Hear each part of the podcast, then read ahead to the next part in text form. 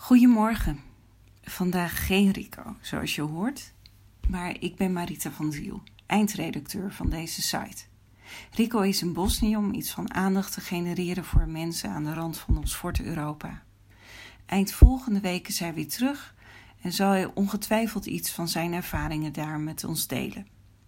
Maar vandaag verdiep ik me in het leesrooster en volgende week krijg je in de ochtend tijdelijk even de Caron-theologie van Alain Verheij te lezen. In de lezingen van vanochtend ben ik verzeild geraakt in iets wat je een geloofsgesprek zou kunnen noemen. Ik moet dan meteen denken aan de discussies op de jeugdvereniging van de kerk lang geleden.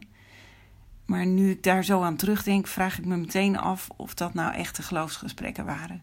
Het waren meer meningworstelingen.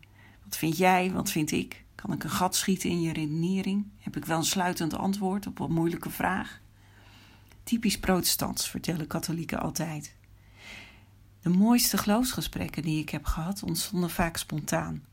Dat er tijdens een gesprek een bepaald vertrouwen ontstond, waardoor ik zelf of de ander zich veilig voelde om iets vanuit de geloofsbeleving te delen. Daarvoor is vertrouwdheid essentieel, want met geloofsuitspraken begeef je je een beetje op glad ijs. Stel dat de ander die ervaring niet heeft, niet begrijpt wat je bedoelt, iets afdoet aan dat wat jij belangrijk vindt, of nog erger, je veroordeelt de tekst die ik vanochtend lees uit het Bijbelboek Marcus vertelt over een gesprek tussen Jezus en een schriftgeleerde. Iemand die een studie maakt van de Joodse geschriften. Het gedeelte komt uit een langer verhaal waarin meerdere gesprekken staan. Jezus wordt daarin als leraar uitgetest. Dat was nodig, want er liepen meer rabbies rond in die tijd en wie had het nu bij het rechte eind? Jezus kreeg nogal wat mensen achter zich aan, reden genoeg om hem te bevragen. Jezus heeft al een paar lastige beantwoord en niet altijd even subtiel als er opnieuw iemand naar hem toe komt. En dan staat er in Marcus een van de schriftgeleerden die naar hen geluisterd had terwijl ze discussieerden en gemerkt had dat hij, dat is Jezus, correct had geantwoord, kwam dichterbij en vroeg: Wat is van alle geboden het belangrijkste gebod? En toen ik het las, vroeg ik me even af wat hier nou gebeurde.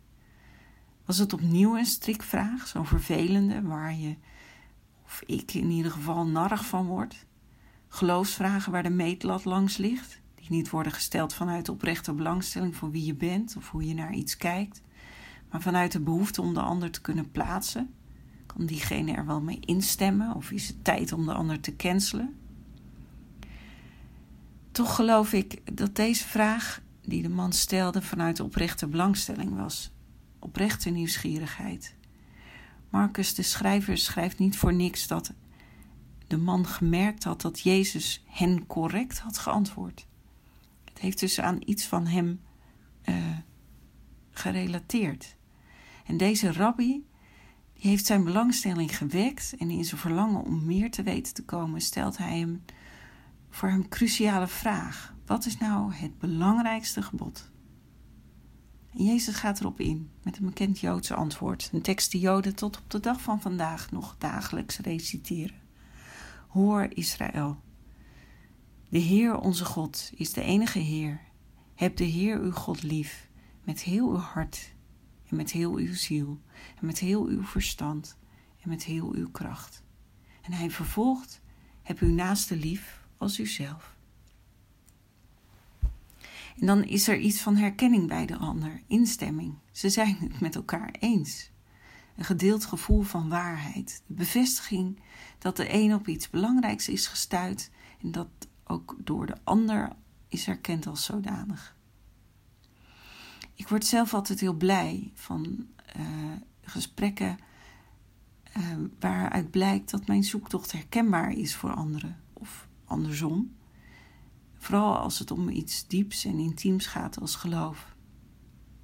Dat je gedeelde vaste grond onder je voeten vindt, waardoor je even op adem kunt komen na het zwemmen in diep water.